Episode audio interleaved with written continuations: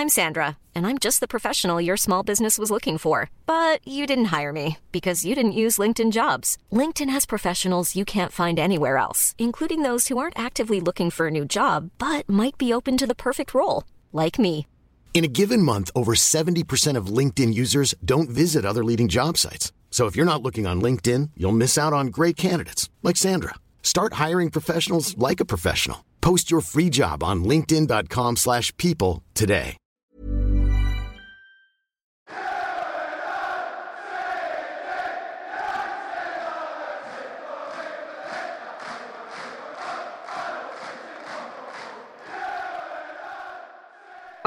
Pendengar GGMU, balik lagi bersama kita bertiga dan masih dalam serial yang sama seperti sebelumnya karena uh, Premier League belum mulai. Uh, kita akan bahas uh, pemain yang mana kalau kemarin kita lebih ngebahas tentang incoming atau upcoming players, tapi sekarang lebih kepada existing members. Yang mana uh, dalam sedikit sneak peek dua episode ke depan nih bakal ngomongin uh, dua pemain yang mereka sama-sama dari Prancis dan dua-duanya sedang ada masalah bisa dibilang seperti problematika uh, dan itu berbeda-beda gitu kan. Dan kita mulai dari uh, pemain pertama dulu gitu kan, yang mana awal pertama kali gue ngelihat dia, dia debut uh, bahkan sebagai subs dan juga ngelawan satu ngelawan salah satu rival terberat. Dan tidak hanya itu dia mencetak gol lewat apa ya bisa dibilang gocekan yang sangat indah lah dari sisi kiri. Dan it ends up dengan dia dianugerahi sebagai pemain muda terbaik tahun 2014 atau 15 gue lupa correct me I'm wrong gitu kan. Dan teman-teman pasti tahu lah dia siapa gitu kan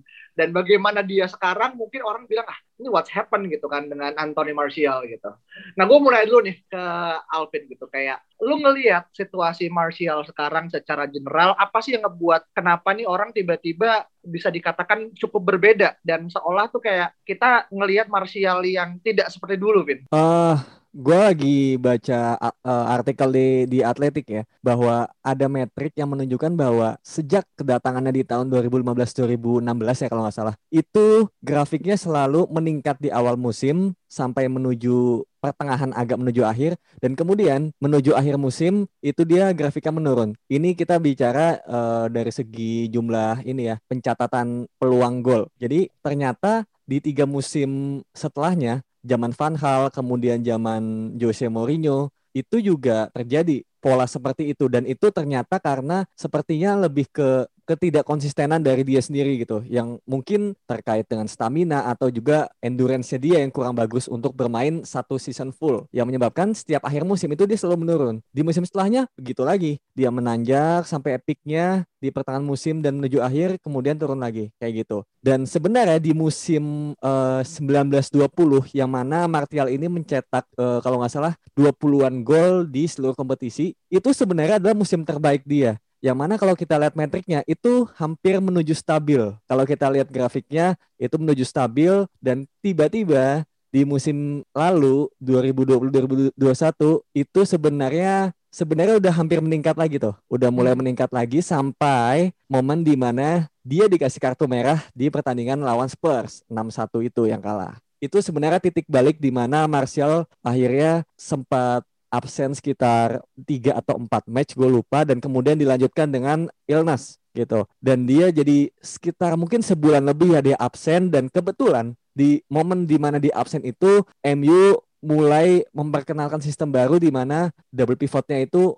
McTominay dan juga Fred kayak gitu. Ditambah lagi hal kedua itu adalah munculnya Edinson Cavani di pertandingan lawan Southampton yang kita kalau tonton dia bisa comeback ya dari 2-1 jadi 3-2 yang dia cetak dua gol di kurun waktu mungkin 10-20 menit terakhir gitu. Yang golnya bagus banget. Jadi ditambah tadi ada masalah inkonsistensi dari dia sendiri kedua masalah mental. Yang mana ditambah lagi dia nggak klop sama tim karena oleh memperkenalkan sistem baru di mana dia sakit kayak gitu. Jadi sebenarnya banyak faktor-faktor non teknis yang mempengaruhi itu. Hmm, iya, dan dan juga gini ya, uh, itu benar banget sih terkait dengan inkonsistensi. Ini kan permasalahan terbesar semua pemain ya selain cedera gitu kan. Dan masalah Martial ini dilanda uh, hal tersebut gitu kan. Dan kalau misalnya kita ngelihat secara permainan, sebenarnya dia tuh udah mainin sekitar 298 games uh, buat tim gitu kan. Dan gue inget banget uh, bagaimana kemudian ini gue baca ya dari ini juga uh, satu sumber bilang uh, dia mencetak 23 gol di musim yang uh, uh, 2011-2020 yang itu 23 gol itu akhirnya ngebuat Ole kemudian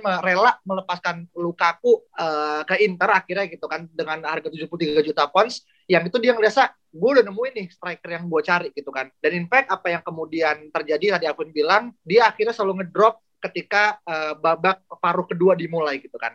Nah gue mulai ke Saung gitu kan. Lu sebagai fans MU yang buat yakin udah nonton dari mulai awal sampai dengan sekarang gitu. Sebenarnya dengan ber, dia kan cukup versatile ya dalam artian dia di kiri di, uh, dia di kiri uh, di tengah pernah juga taruh di kanan juga pas pas ada Lukaku gitu karena seperti Lukaku sama Martial gitu. Lu sebenarnya ngelihat uh, Martial ini lebih kepada posisi apa sih dan akhirnya lu kenapa akhirnya lu refer pada hal tersebut dong? Kalau gue ngelihat Martial berdasarkan uh, performa dia sekarang gitu ya, mungkin posisi terbaik dia tuh saat ini di pangku cadangan.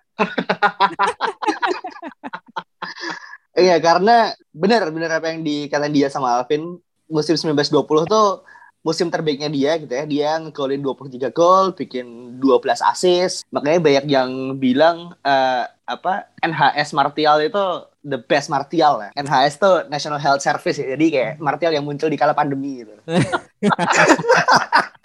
makanya ya benar, makanya dengan dengan itu uh, oleh PD gitu apa melepas Lukaku karena memang Martial ini punya kompetensi juga gitu. Dan oleh ini seakan-akan ingin membuktikan kepada Jose Mourinho pemain-pemain yang dia buang itu yang dia dipinggirkan itu sebenarnya punya potensi gitu. Dan Martial menunjukkan itu sama halnya dengan Luke Shaw sekarang. Cuman masalahnya adalah Martial ini tidak memiliki konsistensi seperti Luke Shaw gitu. Bahkan tidak memiliki konsistensi seperti Lindelof juga gitu. Jadi uh, ini apa ya kalaupun misalnya uh, Martial punya konsistensi yang dibutuhkan gitu ya. Mungkin MU juga nggak akan uh, apa masukin Cavani musim kemarin gitu. Jadi uh, gue melihat MU ini sebenarnya butuh pemain yang emang benar-benar menjadi uh, striker number 9 gitu loh. Dan kalau kita ngelihat cara bermainnya si Martial gitu, walaupun dia punya link up play yang sangat bagus gitu dengan Daniel James, dengan uh, Marcus Rashford, bahkan dengan Jesse Lingard pun uh, beberapa musim yang lalu juga dia punya link up play yang bagus gitu. Nah, tapi MU ini selalu punya striker number 9 modern yang apa ya, ibaratnya tuh yang benar-benar bisa nge-carry tim itu untuk untuk menang dalam suatu pertandingan gitu.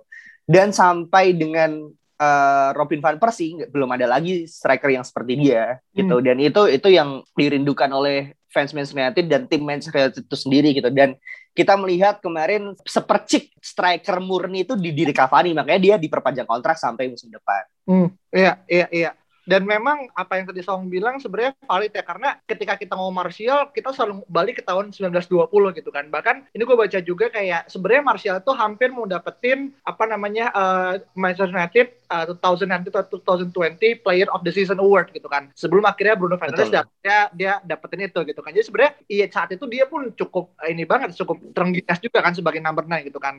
Nah uh, ngomongin masalah inkonsistensi ngomongin permasalahan mungkin personal dia gitu kan. Salah satu legend kita kan Paul Scholes bahkan sempat membuat sebuah kontroversi ya dalam artian um, menurut gue ketika legend of saying something it means ada suatu hal yang kemudian lu perlu perbaiki gitu kan. Dan masalahnya yang dikatakan Paul apa Paul Scholes adalah menyebut Martial sebagai conman gitu kan atau atau bahasanya kayak intinya Martial ini menipu kita lah gitu kan. Kayak lu tuh fraud gitu kan. Dan Emil kemudian salah satu malah ketipu gitu dengan casing yang kemudian saya itu bagus di, di bahkan digadang-gadang sebagai next Thierry Henry gitu kan menggunakan sarung tangan uh, di tangan gitu kan. Dan juga sama-sama main Inggris gitu kan sama-sama main di kiri. Eh tapi turns out ya dia seperti ini gitu. Nah lu kemudian menyanggap, men menyanggapi komentar Paul Scholes terkait dengan komen apakah terlalu berlebihan? Padahal dia mungkin punya value juga gitu. Atau yang kemudian disampaikan Scholes ini valid karena sebenarnya kita juga akhirnya melihat Martial nih tidak cukup pasti untuk kemudian di pick usia dia sekarang Vin. Uh, a bit harsh ya menurut gua gitu kayak Martial itu sebenarnya meningkat dari musim ke musim sejak dia didatangkan ya. Cuma masalahnya memang dia akhirnya harus mengalami pergantian pelatih yang cukup ekstrim dari Van Gaal, kemudian Jose dan juga sekarang Ole gitu yang semuanya memiliki karakteristik yang sangat berbeda. Kalau Van Gaal seperti yang kita udah baca ya di di Atletik bahwa dia diberikan kebebasan bermain sesimpel karena Martial ini nggak ngerti apa yang Van Gaal omongin gitu. Jadi gue yakin kayak Van Gaal tuh ngasih sebuah instruksi khusus ke dia. Cuma karena dia nggak ngerti, akhirnya dia ya just play his game gitu. Dan ternyata it works out gitu.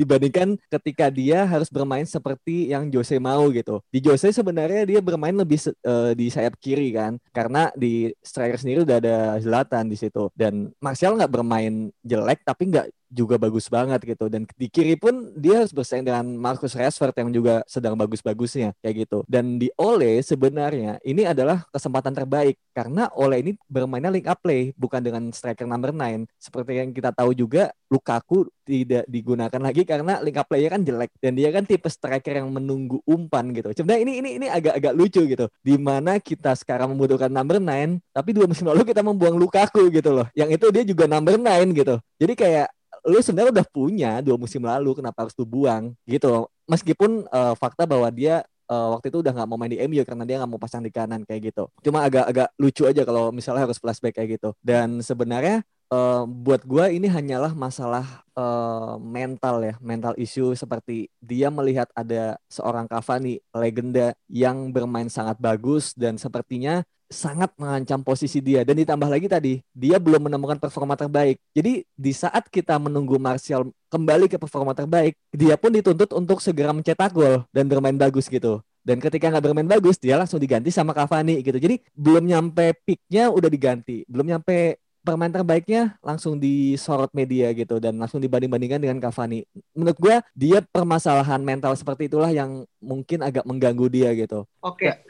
antara mental atau dia tuh sebenarnya juga nggak tahu posisi terbaik dia apa men. Jadi Hmm, dia, Enggak, dia kalau, menurut gue uh, paling paling bagus tuh bermain seperti Thierry Angri gitu kan. Dia nah. uh, ya kan main melebar betul. kiri betul. ala ala Angri gitu kan. Uh, tapi uh, correct me if I'm wrong nanti kalau misalnya ada fans Arsenal yang denger cuman seingat gue Thierry Angri tuh main di dengan uh, ada partnernya main ada tandemnya gitu loh. Hmm, ya. dengan ya. uh, apa dengan Bergkamp kan. Ibaratnya tuh mereka tuh main berdua gitu sebagai yes. sebagai dua striker gitu. Entah Henry yang jadi second striker atau uh, wide forward gue gue nggak gue nggak tahu. Cuman hmm. Martial ini emang emang bagusnya seperti itu gitu loh dan dengan uh, legenda-legenda bidang orang-orang yang bilang media yang bilang kalau Martial ini bisa jadi the next Henry karena memang tipe permainannya seperti itu.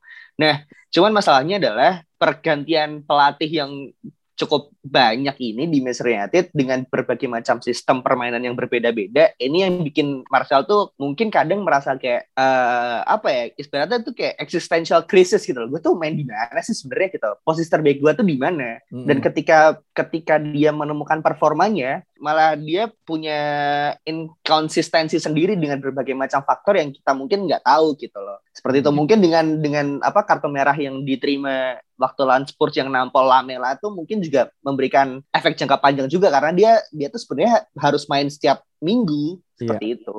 Mm-hmm. Ya, ya, ya. Dan dan juga gini ya, kalau kita ngomongin uh, dia di mirip-mirip dengan Thierry Angri kan sebenarnya kita pun sebenarnya sudah udah melihat kan kalau bisa teman-teman tahu pas kalau nggak salah ICC tahun 2016 ya yang dia kemudian dengan lincahnya melewati uh, eh, 5 sampai 6 pemain Madrid dari sisi kiri gitu kan. Hmm. Sebelum mengirimkan sebuah uh, umpan uh, pendek kita gitu pada Lingard kemudian mencetak gol gitu kan. Menurut gua itu orgasm banget gitu. Lo melihat pemain dan dia jadi kayak Ronaldinho wannabe saat itu ya dengan dia kemudian melakukan gocekan-gocekan yang menurut gua superb banget gitu kan. Meskipun dia bilang ya itu kan cuman turnamen pramusim gitu kan. Tapi menurut gua itu menunjukkan bahwasanya Martial tuh kemudian jadi salah satu uh, bintang juga saat dua kalau nggak salah IC 2016 gitu. Karena yes. gue nonton dan itu pertandingan itu salah satu pertandingan terbanyak di yang tonton di selama pramusim dan juga selama uh, football history di Amerika gitu kan. Bahkan sampai di edit-edit uh, yang warna merah warna putih mana yang pendukung lebih banyak MU atau Real Madrid gitu kan. Tapi well itu adalah another story yang menurut gue dia punya potensi dan kalau tadi Saung bilang uh, dia bingung kayak gue mau ditaruh di mana dan juga perganti-gantian bos. Tapi kan sekarang gini kan kayak kita sekarang lebih stick kepada Ole dan kita tahu sendiri bagaimana Ole akan mendapatkan kontrak yang bisa dibilang lifetime kontrak ya menurut gue ya gitu kan. Terlepas mungkin nanti akan ada uh, terminasi segala hmm. macam tapi MU ini mulai stick dengan satu pelatih gitu, which is Ole gitu. Makanya dia mulai di backup segala macam. Nah, dengan kemudian sekarang dia udah main let's say uh, dua musim berarti kan di bawah Ole gitu kan. Dan dia kemudian mulai masuk ke dalam uh, saya kalau nggak salah kan 26 atau 27 gitu kan. Dan sedangkan kita kemudian uh, harus running forward untuk kemudian mendatangkan uh, piala. Apakah lu ngerasa kemudian uh, Anthony Martial masih dibutuhkan nggak sih untuk musim depan kan? Dan kalau iya, berapa persen cara itu akan datang, Om? kita masih butuh sih sebenarnya Anthony Martial gitu, cuman tidak sebagai starter. Hmm. Jadi tapi, gua sih tapi yang lu bilang hmm? tadi dia butuh main tiap minggu kan karena kalau dia nggak main tiap minggu dia tuh nggak akan pernah mencapai peak performance-nya gitu loh. Nah, masalahnya di MU ini sekarang front forward dia tuh main bagus semua, men. Gitu loh. Tidak apa level konsistennya tuh lebih tinggi dari Martial. Makanya gue berharap walaupun mungkin nanti Tottenham punya hasrat-hasrat untuk membeli Martial gitu atau bahkan Real Madrid gitu kan. Yang gue sempat baca mungkin ada loan deal untuk Martial gitu, gue ngerti. Nah, uh, iya benar sebagai uh, pemain cadangan cuman tidak sebagai striker gitu loh. Gue sih ngelihatnya dia akan jadi sebagai backupnya Rashford malah di kiri. Karena di depan udah ada Cavani sama Greenwood. Hmm. Seperti itu sih. I see. Berarti dan dia pun gue ngeliat dia juga dia gini ya. Dia adalah satu pemain yang gue ngerasa dia nggak bisa taruh di kanan gitu. Dan yeah. menurut gue Rashford sebenarnya nggak bisa juga. Tapi at least Rashford bisa kemudian memberikan assist yang akhirnya ketika dia taruh di kanan, at least yang bisa kita harapkan adalah assist gitu kan. Sedangkan Martial kita tahu sendiri gitu kan gimana dia kemudian uh, cenderung lebih mudah kaki kanan untuk kemudian uh, crossing dan juga melakukan scoring. Iya, buat, iya. Nah, makanya tipe tipe mainnya dia kan sukanya kayak uh, cut inside cut inside gitu kan dari samping gitu. Hmm. Tiba-tiba placing. Cuman bukan dia tuh bukan bukan tipe striker yang ibaratnya tuh kayak lo diem terus tap in gitu loh men. Hmm, hmm, hmm. iya iya iya iya. I see. Dan juga gini ya kalau kita ngomongin Martial kan sebenarnya banyak isu yang bisa dibahas. Salah satunya mungkin yang cukup terkenal adalah dia kan dikenal sebagai uh, lazy footballer gitu kan. Dari cara dia kemudian bersikap cara dia kemudian ya iya gesternya di dalam lapangan itu banyak orang kemudian menganggap dia sebagai ya ya ya seperti pemain yang malas gitu kan segala macam. Nah, lu ngelihat ini hanya sekedar gesture atau dia pun secara typical playingnya juga kemudian kalau kita ngomong lazy, say dia nggak mau kemudian track back ke belakang atau ini lebih kepada sindir aja, Vin? Kalau kita lihat statistik ya, uh, balik lagi gue uh, sumbernya dari di Atletik juga. Itu di 19 uh, musim 1920 yang mana itu musim terbaik dia ya. Dia itu mencatatkan terendah untuk true tackle, true interceptions, recoveries dan juga cukup tinggi dribble pass rate-nya. Ini kita membandingkan antara Martial, Rashford dan juga Greenwood ya. Jadi karena tiga pemain ini yang posisinya sama di trio depan dan juga uh, lebih apple to apple lah kalau kita bandingkan gitu. Dan uh, yang mengagetkannya lagi di musim lalu yaitu 2020-2021 Martial benar-benar downgrade dari segala aspek yang tadi dari true tackles, true interception, recoveries dan juga dribble pass rate-nya semuanya dia paling rendah. Dribble pass rate dia yang paling tinggi ya gitu karena uh, dia 86% artinya dia paling gampang dilewatin dibandingkan Rashford dan juga Greenwood gitu. Jadi untuk masalah track back dan juga defensive attribute benar dia malas gitu. Hmm, Oke. Okay. sebenarnya sebenarnya nggak apa-apa males tapi kalau kalau misalnya lo punya quality kayak Berbatov oke okay lah gitu loh kan hmm, hmm. bahkan bahkan Messi pun juga tidak seaktif itu untuk defend kan bahkan dia di tengah lapangan aja ngeliatin doang gitu yes. hmm. asalkan lo punya atribut untuk menunjang apa attacking skills lo sih nggak masalah gitu. Yeah. Dan sebenarnya Martial ini punya, cuman ya itu konsistensinya sih yang sebenarnya harus di push lagi gitu loh. Benar, konsistensi dan juga ya tadi masalah dari dalam dirinya sendiri. Menurut gue tuh attitude ya, betul. Yes, attitude hmm. dan juga mental. Yang menurut gue dia tertekan dan juga mungkin melihat ada kompetitor yaitu Cavani dia jadi kayak apa ya? Ya ogah-ogahan mainnya. Kita kita mungkin inget ya match musim lalu di home ketika lawan Sheffield United yang kalah 1-2 betapa kita semua marah sama Martial yang dia kehilangan bola tapi alih-alih dia pressing dan juga ngejar bolanya dia malah protes gitu kayak ngapain lo protes gitu kejar lah hmm. bolanya gitu loh hal-hal kayak gitu yang kita tuh agak mungkin gemes ya musim lalu sama Anthony Martial ini iya iya, iya. jadi kalau misal kalau misal boleh di list masalah Martial tuh ada tiga men. Pertama konsistensi, kedua tuh uh, work rate-nya off the ball gitu. Ketika dia tidak pegang bola tuh work rate-nya caur banget lah. Dia tuh hampir hampir nggak mau ngejar bola gitu loh. Dan yang ketiga ini attitude dan ini kelihatan banget waktu Cavani datang seperti itu. Hmm, iya, Di mana iya. dia nggak mau rise up to the challenge gitu loh untuk untuk perjuangin tempatnya dia di starting lineup. Ya setuju. Ya dan tapi gini ya kita terlepas kemudian uh, form dan segala macam, tapi dengan dia bisa bertahan di bawah uh, tiga pelatih ya, at least dia salah satu pemain yang menurut gue cukup kayak kecoa dalam artian bisa bertahan hidup di di tiga ini tan dan tidak dijual terlepas kemudian ketika kita tahu pas zamannya Jose dia mau dijual tapi karena intervensinya Joel Glazer makanya dia kemudian diberhenti, uh, tidak dijadi uh, tidak dijual gitu kan yes. makanya Jose yang cabut gitu. Tapi ketika kita ngeliat Martial sebenarnya kan dia tipe pemain yang kemudian cukup at least fans tuh punya ekspektasi. Paling enggak kita bisa lihat bagaimana Martial tuh punya chance gitu kan. Kalau lu pernah dengar uh, 50 million down the dance, Tony Martial scores again. Gua, gua dia kayak gitu kan. Di mana yeah, sebenarnya yeah kita tuh sebenarnya punya semacam kayak iya ini ya ekspektasi kepada Martial tapi balik lagi gitu kan bagaimana kemudian dia menunjukkan geser dan segala. Tadi Saung udah bakal udah nyebut tiga uh, apa namanya titik lemah Martial gitu kan. Dan kalau dia tidak merubah di musim depan ya gue lebih baik kemudian kehilangan dia sekarang ketimbang kita memberikan give a change yang mana dia pun tidak menunjukkan sungguh-sungguh. Makanya satu hal yang gue tunggu adalah ketika pramusim gitu kan. Dengan pramusim dia mungkin akan mendapatkan uh, apa namanya uh, tempat gitu. Dan mungkin mendapatkan gameplay gitu kan terlepas mungkin lebih banyak yang pemain muda. Tapi at kita bisa nge sebelum akhirnya kita decide whether kita akan stick dengan dia atau ada yang tadi gue juga baca ya terlepas kemudian kita belum mendatangkan DMF dan juga CB oleh mau ada fourth signing gitu kan yang mana mungkin salah satunya adalah ya CF itu sendiri atau striker gitu kan. Yang mana kita belum tahu itu siapa gitu tapi most likely akan ada satu pemain yang kemudian di offload keluar dan mungkin kemungkinan besar adalah Anthony Martial tersebut gitu kan.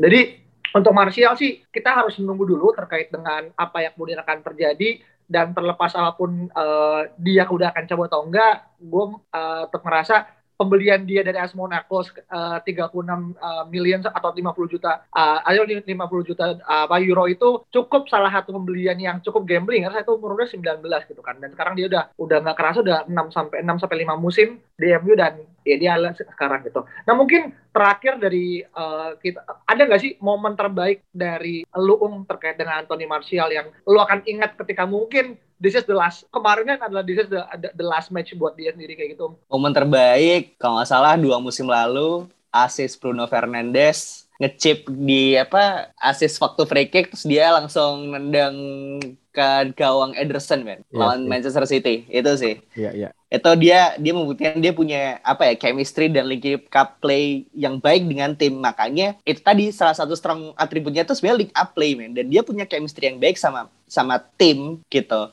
bahkan uh, waktu awal-awal Bruno datang kan ada kayak bromance bromance Bruno sama Martial kan. Hmm. jadi itu itu itu salah satu yang gue inget sih. Karena emang dia punya punya potensi di situ. Si NHS Martial ini harus jadi Martial terus itu sih men oke okay, oke okay. nah kalau buat Alvin nih Vin lu tadi, tadi udah pernah sebut terkait dengan apa best momennya tapi gue mau nanya terkait dengan seberapa sih likability dia untuk kemudian bertahan dan kalaupun iya apa yang kemudian tetap menjadi value yang dalam diri dia untuk kemudian oleh yang mempertahankan Vin kalau likability untuk musim depan ya uh, eh, maksudnya musim ini itu cukup besar menurut gue 80% dan gue yakin Ole ini sebenarnya sayang sama Martial. Cuma kayak apa ya it just the bad day aja bad season aja one bad season kayak kayak David De Gea dan juga mungkin pemain-pemain lainnya yang yang sebenarnya mainnya tuh sebenarnya bagus tapi ada satu musim yang iya dia jelek aja gitu. Jadi uh, eh, gue yakin Ole pasti masih kasih dia kesempatan dan juga gue nggak yakin Ole bakal beli striker musim ini. Jadi pasti dikasih kesempatan musim ini dan kalau misalnya ternyata musim ini dia masih bermain seperti musim lalu tidak bisa sesuai ekspektasi dan masih uh, mut-mutan lah bisa dibilang. Ya no chance sih menurut gue musim depannya pasti out ditambah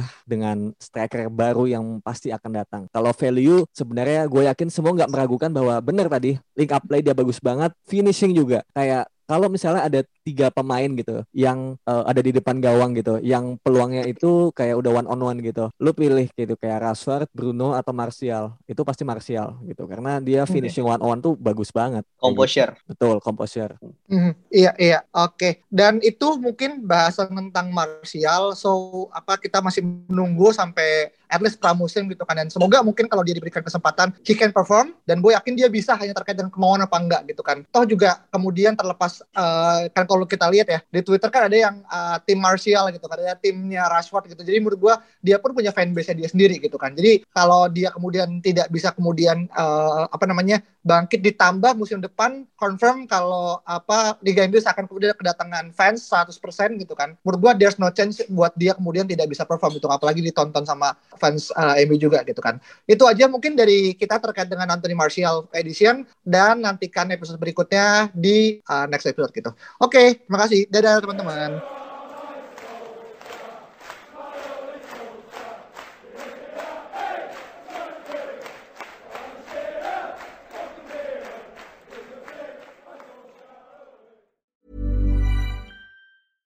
Mom deserves the best, and there's no better place to shop for Mother's Day than Whole Foods Market. They're your destination for unbeatable savings, from premium gifts to show-stopping flowers and irresistible desserts. Start by saving 33% with Prime on all body care and candles. Then get a 15-stem bunch of tulips for just $9.99 each with Prime. Round out Mom's menu with festive rosé, irresistible berry chantilly cake, and more special treats. Come celebrate Mother's Day at Whole Foods Market.